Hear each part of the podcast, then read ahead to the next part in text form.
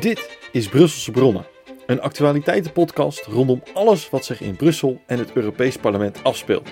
Presentatie is in handen van Florian Pronk en vaste tafelgast is Europarlementariër Petjan Ruijs.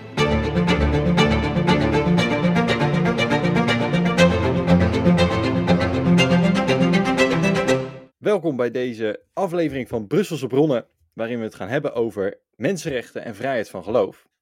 En uh, bij ons aangesloten aan, aan tafel uh, zijn uh, Thijs Reuten, een Europarlementariër namens de PvdA in het Europees Parlement. En onze vaste tafelgast Bert-Jan Ruijs is natuurlijk ook aanwezig. goedemiddag heren. Goedemiddag.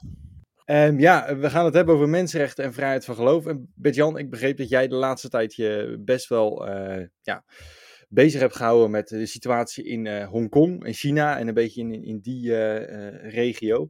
Wat kan je daar vertellen? Wat speelt zich daar af op dit moment? Ja, wat, wat zich daar afspeelt, dat is natuurlijk heel kwalijk. Hè? Je ziet dus dat uh, China de democratie in Hongkong eigenlijk op hele korte termijn eigenlijk helemaal, uh, nou ik zou bijna zeggen, de nek heeft om, omgedraaid. De, de, de, de oppositie is gewoon monddood gemaakt in Hongkong. Ook uh, van persvrijheid is totaal geen sprake meer. Hè. Vrij recent is er een inval geweest ook bij, een, bij een krant, Apple Daily. Um, dus allemaal hele ernstige, serieuze ontwikkelingen. Wij zijn er inderdaad volop mee bezig. Uh, in de Straatsburg Week. Uh, dan zullen wij ook een resolutie indienen. Meerdere fracties zijn, zijn bezig om, om een resolutie in te dienen. om tot een veroordeling te komen van China en om helder te maken dat wij vanuit Europa ja, deze opstelling van China ten opzichte van Hongkong natuurlijk absoluut niet kunnen accepteren ook als het gaat over het parlement uh, van Hongkong. Uh, ja, de oppositie is eigenlijk totaal verdwenen uh, uit dat parlement. En, dus, dus er is ook eigenlijk geen democratie meer aanwezig in Hongkong. En dat parlement in Hongkong dat wordt nu alleen nog bezet door pro-China parlementariërs. Oké. Nou, dus dat is een, een vrij heftige situatie daar. Zeker, zeker. Ja. Want Thijs, um, volg jij de, de situatie uh, in die regionen ook? Ja, zeker. En uh, ik, ik ben ook heel blij dat uh, dit onderwerp volgende week inderdaad deze week op de plenaire agenda staat in, in Straatsburg.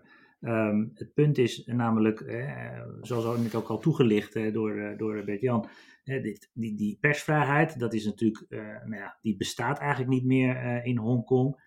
maar die, er zit op dit moment ook heel veel Hongkongers zijn eigenlijk gevlucht, omdat het alternatief, als ze niet zouden vluchten naar Australië of het Verenigd Koninkrijk, dan zouden ze opgepakt worden met een ongewis uh, lot. Uh, er zijn uh, meer dan 100 mensen gearresteerd wegens overtreding van die inmiddels beruchte nationale veiligheidswet, waaronder inderdaad ook 47 leiders van de oppositie in Hongkong. Um, en ja, dat eigenlijk moeten we gewoon stellen dat uh, hè, van uh, de afspraak één land, twee systemen, wat je daar verder ook van vond, dat daar uh, helemaal niets meer van over is. Nee. En als Europa daar ook macht op gaat uitoefenen, denk je ook dat dat, dat dat gaat werken? Ja, het is natuurlijk lastig, hè, omdat we, we er wordt vaak ook natuurlijk een beetje over gezegd van ja, wat heeft dat dan voor zin, hè? Zo'n zo'n urgency, zo'n urgentieresolutie. En dat is dit er ook, hè, die een urgente schending van mensenrechten en democratie beoogt aan te kaarten. Uh, ja, ik, ik ben daar. Ik vind dus wel dat we dat middel uh, moeten inzetten. We moeten doen wat we kunnen. En ik denk wel degelijk dat het zin heeft als we als Europa, als blok, als samen 27 landen hier uh, ons over uitspreken. Ik heb niet de illusie dat president Xi dan onmiddellijk bakzeil zou halen. Maar het gaat er ook over dat we de mensen in Hongkong laten zien dat ze niet alleen zijn. Dat er ook elders in de wereld naar gekeken wordt, dat het op het netvlies uh, staat. Dat is ook een belangrijke functie uh, van uh, het feit dat wij daarover praten deze week in het Europees Parlement. En ook, wat mij betreft in ieder geval, en ik denk ook wat Bert-Jan betreft, een stevige resolutie aan gaan nemen. Ja. Bert-Jan, gaat president Xi bakzelf halen? Dat zal niet van de een op de andere dag gebeuren, dat realiseer ik me ook. Maar zoals Thijs ook aangeeft, is het wel heel belangrijk dat wij als Europa met één, helder geluid komen hè, richting China en duidelijk maken, dit, dit kan niet zo. En ik denk ook dat we ook bijvoorbeeld nauw moeten samenwerken met de Amerikanen. Hè? Dat we ook internationaal bondgenoten zoeken. Uh, en ik denk ook dat we duidelijk moeten laten blijken van we laten het niet alleen maar bij woorden. Uh, we gaan als nodig is verder dan alleen maar het indienen van de resolutie. Uh, ik denk bijvoorbeeld ook dat we serieus moeten nadenken over nou, misschien wel uitbreiding van, van de sancties richting China.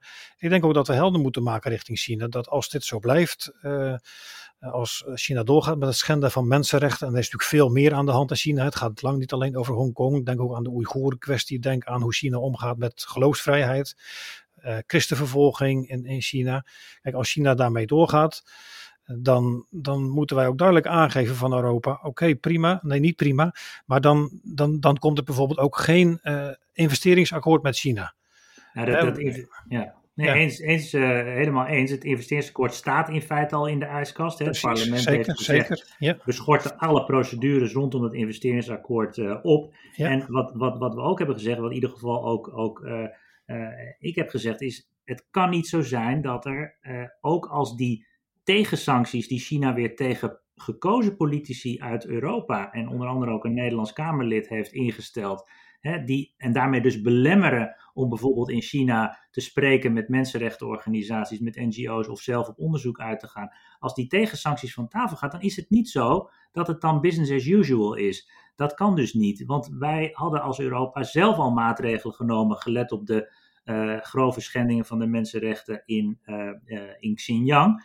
Um, als je daar dan sancties tegenover zet als China en je haalt die weer van tafel, stel dat het zou gebeuren, dan, zijn we niet, dan staan we niet op nul. Dan hebben we nog steeds een groot probleem uh, met de grootschalige mensenrechten schendingen in Xinjiang. En ik denk dat wat dat betreft, en dat is een lastige discussie, maar dat betekent ook, en dat vind ik in ieder geval, dat als je bijvoorbeeld, zoals het Nederlands parlement ook heeft gedaan en gezegd, we bestempelen dat als genocide, dan is dat niet gratis. Dan kan dat niet uh, zonder gevolgen blijven. Dan moet je op een gegeven moment, ook als dat je eigen handel, handelspositie uh, wellicht raakt, ook als dat misschien bepaalde producten lastiger verkrijgbaar maakt, dan moet je op een gegeven moment gaan overwegen om uh, ja, de, de, de teugels strenger aan te trekken als het gaat om, in ieder geval, wat mij betreft, producten die uit Xinjiang komen en mogelijk met dwangarbeid tot stand zijn gekomen. Vanuit de lidstaten zelf bedoel je dus? Ja, nou ja, dat kunnen lidstaten natuurlijk, hè, die, die, die, dat, dat is het, het aloude uh, punt. Uh, als je dat natuurlijk als blok doet, is dat een veel effectievere uh, manier. Ja. Want dat is natuurlijk, en dan gaan we een klein beetje weg van het onderwerp, maar wel belangrijk denk ik. China probeert voortdurend om via haar eigen buitenlandpolitiek landen uit elkaar te spelen. Dat is natuurlijk in het belang van China om bilateraal met individuele Europese landen uh, banden aan te gaan. En uh, dat verzwakt eigenlijk de Europese eenheid. Dus ik ben er erg voor om als Europees blok gezamenlijk uh, op, te blijven, op, op te blijven trekken, ook in dit soort zaken. Ja, duidelijk, mooi. Hey, want um, we hebben het nu over China, maar volgens mij ligt er ook binnen Europa wel een bepaald vraagstuk rondom mensenrechten. Ehm, hebben jullie dat ook meegekregen? Ja, uh, nou er zijn natuurlijk, kijk, we hebben in, in, in Europa is een waardegemeenschap en een, wij hebben gezegd, uh, wij zijn meer dan alleen een handelsblok. Wij vinden het ook belangrijk dat alle Europeanen, waar ze ook wonen in Europa, uh, zich vrij kunnen voelen, kunnen zijn wie ze willen, willen zijn, maar ook kunnen rekenen op rechtsbescherming, op een rechtsstaat hè, die, die burgers beschermt tegen willekeur van de overheid en ook zorgt dat, dat bepaalde zaken voor alle Europeanen uh, hetzelfde zijn, hè, dezelfde rechten hebben. Nou, en je, wat, je, wat je ziet is dat er in een aantal landen, en bijvoorbeeld in Hongarije en Polen, um, uh, op allerlei verschillende manieren en steeds vergaander, steeds een stapje erbij, eigenlijk die rechtsstaat, maar ook de toegang tot die rechter en uh, de, de, um, de onafhankelijkheid van die rechter wordt ingeperkt. En de afgelopen week hebben we natuurlijk gehad, dus inmiddels twee weken geleden ook, de Europese Raad, die natuurlijk hele stevige woorden heeft uh, uh, gericht aan het adres van Orbán, die met zijn anti-LGBT-wetgeving anti kwam. Ja, daar hoort natuurlijk ook bij dat je dan op een gegeven moment de procedures die al lopen tegen, tegen, tegen Polen en Hongarije ook doorzet. Nou, daar gaat op dit moment natuurlijk de discussie over. En ik denk dat we echt een geloofwaardigheidsprobleem hebben, ook buiten Europa, als we binnen onze eigen Unie uh, de rechtsstaat en de democratie niet op orde hebben. Dan wordt het moeilijker ja. om andere autocraten in de wereld aan te spreken op, op antidemocratisch gedrag. Ja. Hoe zie jij dat, Bert-Jan? Nou, als het gaat over mensenrechten, ehm, dan moeten we natuurlijk inderdaad ook naar onszelf durven kijken, ook als Europa. Dus niet alleen met het vingertje wijzen naar landen buiten Europa, we moeten ook serieus durven kijken naar wat er in Europa gebeurt. Ik moet wel zeggen, ik vind de, de aandacht die naar bepaalde landen uitgaat, vind ik disproportioneel en ook uh, soms onterecht. Um, en ik mis in deze discussie bijvoorbeeld aandacht voor hele wezenlijke mensenrechten, die wel degelijk ook in het geding zijn, ook in de Europese Unie, maar waar, waar eigenlijk nauwelijks aandacht uh, voor is. Wat bedoel Noem ik? Noem eens een voorbeeld. Wat bedoel ik? Ik bedoel uh, de situatie rondom, rondom geloofsvrijheid. Uh, bijvoorbeeld hebben we recent een wet gezien in Frankrijk die de kerken, religieuze groepen, onder verscherpt overheidstoezicht plaatst. Ik heb daar kritische vragen over gesteld aan de commissie. Ik zeg van kijk daar eens naar. Nou, dan krijg je dus als antwoord terug van nou daar gaan wij niet over. Punt. Hè. Wat ook bijvoorbeeld speelt is een Finse politicus, christenpoliticus, die zich heeft beroepen op de Bijbel, die een Bijbelvers heeft geciteerd. Um, en die wordt nu vervolgd. Dus ik heb dat ook als twee voorbeelden aangegeven, ook in het debat wat ik recent had in de Tweede Kamer met, met, met Rutte en Kaag. Ik zeg van laten we eens breed kijken als het gaat over de mensenrechten schendingen. Laten we ook eens serieus kijken naar wat er speelt rondom geloofsvrijheid. Ja. Nou, en als je dat dan aan de orde stelt, dan krijg je helemaal geen reactie. Van de commissie niet. En ook eh, Rutte ging op geen enkele wijze in op de uh, vragen die ik erover had. Kijk, als het gaat over Polen en Hongarije. Um, Natuurlijk, we moeten uh, zuinig zijn op onze rechtsstaat, daar ben ik het helemaal mee eens. Uh, en uh, als het gaat over de onafhankelijkheid van de, van de rechterlijke macht, vind ik ook dat we daar aandacht voor moeten hebben. Maar ik geloof eerlijk gezegd niet zozeer in het schermen met, met allerlei juridische procedures. Ik, ik ben zelf bang dat dat op een gegeven moment ook contraproductief werkt, ook in Europa. Waar ik zelf dan veel meer in zie, is het aangaan van een goede dialoog met elkaar, met ook een stuk respect voor elkaars uh, tradities uh, en achtergronden. We moeten natuurlijk ook voor ogen houden ja, dat landen ook gewoon eh, verschillend zijn op een aantal onderwerpen en ook verschillend, te tegen bepaalde dingen aankijken. En daar vind ik, ja. ik vind dat daar wel eens te weinig aandacht voor is. Helder. Thijs, hoe, hoe zie jij dat, dat er soms met verschillende maten gemeten wordt? Nou, kijk, eh, verschillende maten meten moeten we natuurlijk niet, uh, niet doen. We moeten consequent uh, zijn als het om deze dingen gaat. Alleen ik denk wel dat wij een slag anders denken, Bert-Jan en ik, over nou ja, wat er, met welke argumenten ook in, in Hongarije bijvoorbeeld nu wetgeving gericht tegen LGBT's wordt doorgedrukt. Maar dat is eigenlijk, als je naar Hongarije kijkt als land en waarom die artikel 7-procedure loopt uh, niet eens uh, het hele verhaal. Uh, wat veel erger is, denk ik. En, en dat heeft volgens mij weinig te maken met, met je eigen tradities of, of overtuigingen. in Hongarije is momenteel een parallele structuur ontstaan buiten de staat om, buiten publieke controle om. En dat betekent dat ook als er daar een andere regering aan de macht komt, heel veel middelen en uh, infrastructuur buiten controle van de uh, publieke overheid is. Dat heeft wat mij betreft niet zoveel met ideologie uh, te maken. Dat is gewoon heel slecht voor de democratie in een belangrijk Europees land. Dus ik maak me daar wel zorgen over. En wat betreft de, de zaken die, die, die Bert-Jan noemt. Kijk, ik denk dat... Zeker, ik ken die twee voorbeelden zelf niet, dus daar kan ik eigenlijk niks over zeggen. Maar ik denk dat het van het allergrootste belang is voor welke uh, geloofsovertuiging of uh, een minderheid dan ook, dat die toegang tot een onafhankelijke rechter in elk land van de Europese Unie uh, boven alle twijfel verheven is. En dat is natuurlijk. En als dat niet zo is? Nou ja, als, maar, dat, maar dat is volgens mij in Finland wel zo. In Finland is het zo dat die rechter onafhankelijk is.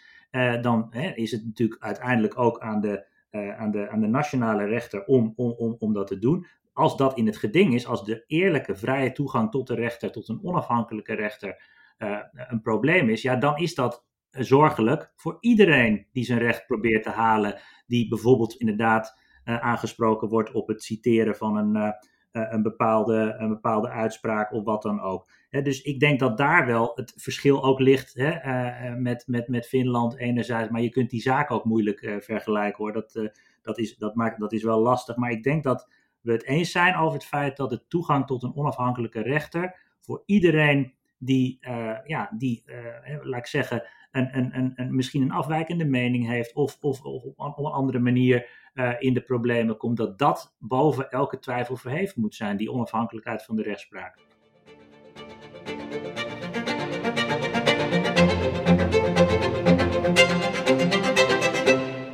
Want uh, Thijs, wat zou je doen als je alle macht in Europa had? Ja, nou, dat is een, uh, een intrigerende, originele vraag.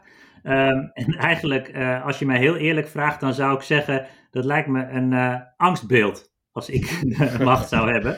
Je bent niet de enige die dat zo zegt. Oh, nou dat is mooi. Dat is, dat is geruststellend dat de meeste mensen zo reageren. Maar ik denk dat, dat het juist een wezenlijk kenmerk is eh, niet alleen van de democratisch bestel zoals wij dat in Nederland hebben, maar, eh, maar ook hoe we Europees eigenlijk met elkaar, en dat staat gewoon ook in de Europese verdragen, hè, en daarom moeten we daar ook zo scherp op zijn, dat het juist zo is dat ook als er wisselingen zijn van regering, als er op een gegeven moment een andere koers wordt gekozen in een land, dat altijd de, de rechten en de positie van, van, van minderheden uh, aandacht krijgen en ook niet over het hoofd worden gezien. Dus, dus ik zou daartegen zijn, maar als ik dan toch op een dag eens een keer wat dingen zou mogen beslissen, dan zou ik denk ik beginnen met op heel veel dossiers de unanimiteitseis in de Europese Raad afschaffen, met name ook. Wat houdt dat in? Nou, er is op dit moment geldt voor heel veel dossiers en in het bijzonder ook voor bijvoorbeeld buitenlands beleid, hè, waar we het net over hadden, dat we vaak natuurlijk toch veel beter voor de dag komen als we als Europa als geheel optreden richting bijvoorbeeld een land als China, geldt de unanimiteitsregel. En dat betekent dat nu, als het bijvoorbeeld over die sancties gaat, ook Bert-Jan noemde, dat we dan alle landen het eens moeten uh, zijn. En dat heeft in het verleden ook al tot problemen geleid dat één land eigenlijk het optreden van Europa op internationaal toneel echt uh, moeilijk maakte en blokkeerde. Nou, ik denk dat we daar, uh, daar ook in belang van Nederland, is ook recent door Nederland en Spanje samen een voorstel voor gedaan om, om daar van af te gaan. En ik zou verder, als ik alle macht had, alle vluchtelingen uit die vreselijke kampen in Moria en andere Griekse eilanden ophalen bijvoorbeeld. En verdelen over alle Europese landen. Dus ja, ik heb natuurlijk wel een wensenlijstje. Maar in principe, in principe is het niet goed, denk ik, als iemand, en ik ook niet, alle macht heeft. Nee, bent Jan blij met het wensenlijstje van Thijs? Ja, op een aantal onderdelen zeker wel. En zeker als het natuurlijk gaat over mensenrechten, daarvoor opkomen wereldwijd ook, ook als het gaat over geloofsvrijheid, et cetera. Dan geloof ik dat, dat Thijs en ik elkaar uh, snel kunnen vinden en dat we elkaar ook kunnen samenwerken op, onderde- op, op dit soort thema's, absoluut. Um, als het gaat over ja, hoe, hoe stel je op ten, op ten, opzichte van Polen en Hongarije, daar zit ik daar natuurlijk toch iets anders in. Uh, omdat ik ook bijvoorbeeld landen als Polen en Hongarije toch ook de vrijheid wel wil gunnen om noem eens iets, bijvoorbeeld eigen abortuswetgeving te blijven hanteren. Um, en ook als het gaat over eh, wetgeving rondom huwelijk en gezin, daarvan denk ik, ja, daar voel ik me ook niet geroepen, uh, uh, op dat vlak voel ik me ook niet geroepen om Polen en Hongarije als het ware tot de orde te roepen. en als het gaat over onafhankelijkheid van de rechtelijke macht, kijk, nogmaals, zoals ik ook aangaf, ik denk dat we daar vooral het gesprek over moeten aangaan. met deze kanttekening dat natuurlijk beide landen nog steeds gewoon volledige zeg, democratieën zijn. Hè? Er zijn gewoon vrije verkiezingen. Uh, uiteindelijk is het aan de kiezer ook om te, te beslissen hoe de samenstelling eruit ziet van zo'n um, uh, parlement daar in Polen of Hongarije. Uh, ja, misschien dat, dat, punt over de unanimiteitsregel, dat is ook een intrigerende als het gaat over het buitenlandse beleid. Ik denk dat we daar ook een verschil van mening hebben, Thijs. Um, want ik ben wel eigenlijk wel gehecht aan die unanimiteitsregel. Want als je die uh, opheft, dan betekent het eigenlijk dat je als land uh, de bevoegdheid die je hebt rondom buitenlands beleid eigenlijk overdraagt aan de EU. En uh, daar heb ik twijfels over. Ik weet niet of we dat willen. En ik denk eerlijk gezegd ook dat. Want waarom niet, Bert-Jan? Nou, ik vind uh, dat, dat, is wel een, ook wel een principiële opvatting van mij. Ik vind buitenlands beleid, dat vind ik zoiets wezenlijks, wat, wat eigenlijk hoort bij het, bij het wezen van een land. Hè. Um, ik weet niet of dat je, of dat, je dat aan een, zeg maar, een supranationaal uh, orgaan moet willen uh, overdragen. Maar dat, maar dat is, ja. maar, maar, Kijk, wat ik ook wil benadrukken, dat is dat ook het, uh, natuurlijk, het is belangrijk om, om als eenheid op te treden. Maar de praktijk laat ook zien dat het ook kan en dat het ook werkt. Het ja. blijkt ook gewoon mogelijk te zijn om ehm, met die unanimiteitsregel om ook wel degelijk bijvoorbeeld sancties op te leggen en als eenheid eh, op te treden. We hebben dat bijvoorbeeld gezien richting Belarus. Uh, nou ja, binnen een hele korte termijn hadden we de handen op elkaar in de EU om sancties uh, op te leggen aan Wit-Rusland. En ook richting China hebben we dat gedaan. En ja. als je erin slaagt om met unanimiteit maatregelen te treffen, dan sta je in mijn beleving ook veel sterker in zo'n discussie.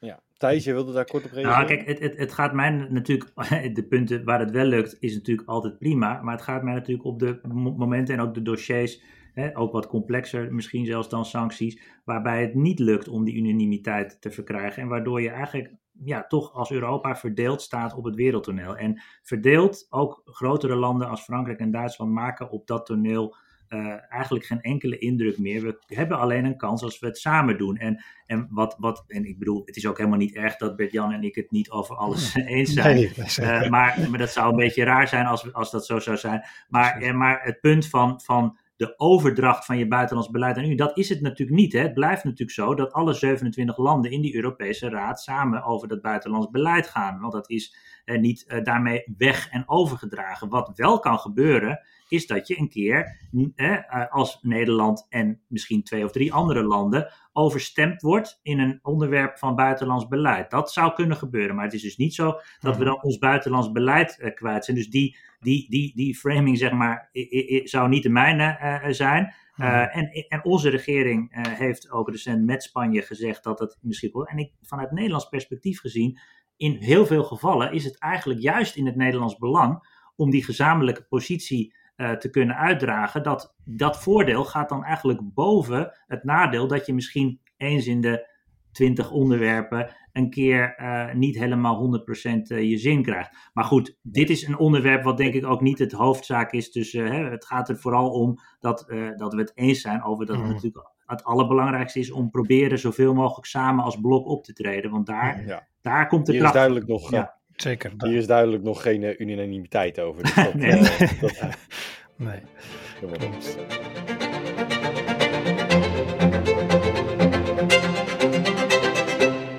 Thijs, heb je toevallig een um, favoriet Bijbelvers? Ja, nou, ik heb eigenlijk niet echt een favoriet Bijbelvers. En ik moet je ook bekennen dat ik niet zo Bijbelvast ben. Maar ik ben dus even in mijn geheugen gaan graven. En ik heb natuurlijk wel als kind uh, uh, wat, wat, wat, meegekregen van de Bijbel, om maar zo te zeggen. En er ook zelf in gelezen. En ik dacht, ik vertel jullie gewoon wat het meest, wat veel indruk op mij gemaakt heeft. De twee verhalen die mij als kind het meest zijn bijgebleven zijn de, het, het verhaal van Jozef en misschien wel het allermeest indruk maakte het verhaal van Mozes. En vooral het einde, dat hij dan na alles wat doorstaan was door, door Mozes en ook door Aaron, dat zij aangekomen bij het beloofde land het land niet in mochten. Dat was voor mij als, als jongetje toch, ja, ik heb dat meerdere keren, heeft mijn vader het me voorgelezen, of ik heb het zelf gelezen.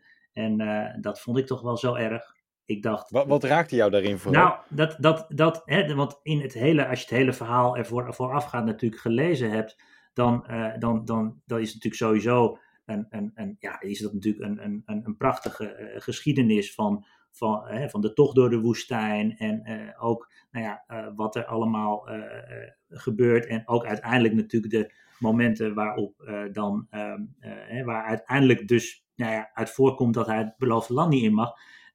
maar ja, ik, ik vond dat als kind, vond ik dat natuurlijk toch gewoon zielig. Hè? Ik vond dat zielig na alles wat Mozes voor dat volk gedaan had. Mocht hij zelf het land niet in. En mocht hij alleen maar kijken vanaf de berg dat, dat beeld, uh, ja, dat, heb, dat heeft me nooit meer losgelaten. Hoewel ik daarna dus uh, de Bijbel niet zo vaak meer gelezen heb, uh, zeg ik heel eerlijk. Dus dat is je bijgebleven. Ja. Met Jan, wil je daarop reageren? Ja, um, ik, ik heb daar andere beelden bij bij deze geschiedenis. Maar goed, dat is natuurlijk ook heel persoonlijk, denk ik, Thijs.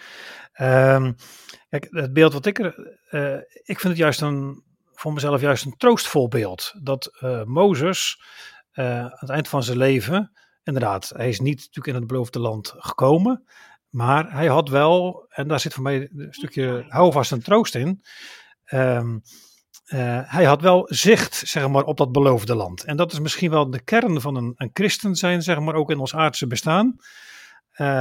Dat je nou zicht mag hebben op het beloofde land. Ehm, ook na je overlijden, er is meer dan zeg maar wat, wat hier op aarde is, zeg maar. Dus ja, ik ervaar het meer als een, als een troostvol iets. Maar ik vind het ook wel nou, intrigerend en, en mooi hoe jij reflecteert op deze geschiedenis. Zeker. Ja. ja. Nee, ik kan me dat ook wel weer voor, vanuit jou ook wel weer voorstellen. Uh, dat het inderdaad dan een, een, een, een troost uh, kan zijn. Hè? Als je mhm. inderdaad ook, ook, ook, ook zegt van ja goed, het is, er is uh, ook hierna nog, nog meer. En, mm maar mijn, mijn, mijn herinnering ging terug naar, naar hoe ik dat eigenlijk, ja. ja hoe ik eigenlijk medelijden had met Mozes. En, en natuurlijk ook Aaron. Hè, sterft dan daar op dat, uh, op dat uh, uh, moment en, en blijft ook, ook achter in die zin. Wat, wat, maar volgens mij is dan zijn zoon die dan uiteindelijk met, het, met de Israëlieten het land in mag trekken. Hè? De, de zoon van Aaron, ja. Hm. Ja, heel mooi. Ja. Dankjewel dat je het wilde delen. Ja.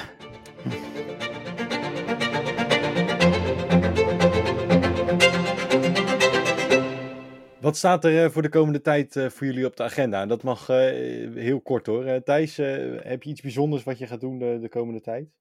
Nou, ik blijf mij in ieder geval bezighouden uh, met, de, met de westelijke Balkan en ook met de vluchtelingen.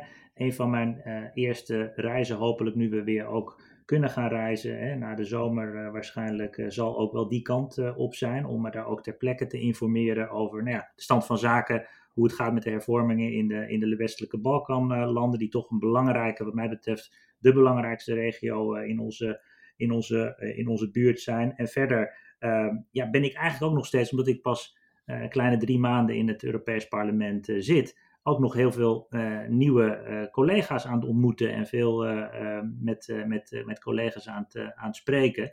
Ehm, in podcast. Ja, ook bijvoorbeeld. Dus dat, dat is ontzettend, ontzettend leuk. En ik blijf mij uh, bezighouden met eigenlijk het buitenlands beleid van de Unie en met de rechtsstaat uh, binnen de Europese Unie in de, in de LIBE-commissie, de, de Commissie Justitie en Vrijheden. Dus uh, volop, volop werk te doen.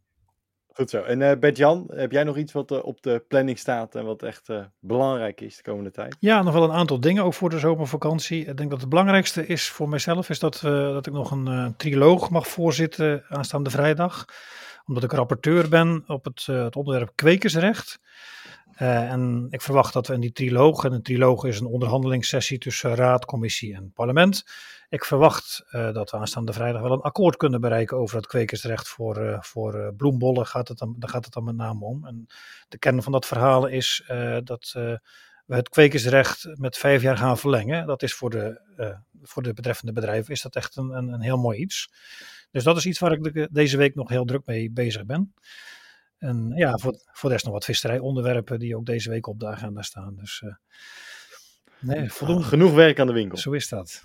Kijk, fantastisch. Nou, ik wil jullie in ieder geval hartelijk danken voor uh, jullie bijdrage aan uh, ja, deze, deze podcast. heel veel succes met jullie werkzaamheden, ook rondom mensenrechten. Ik denk dat dat een belangrijk onderwerp blijft, ook richting de toekomst. Dus nou ja, in ieder geval heel veel succes ermee. Graag gedaan. Dankjewel.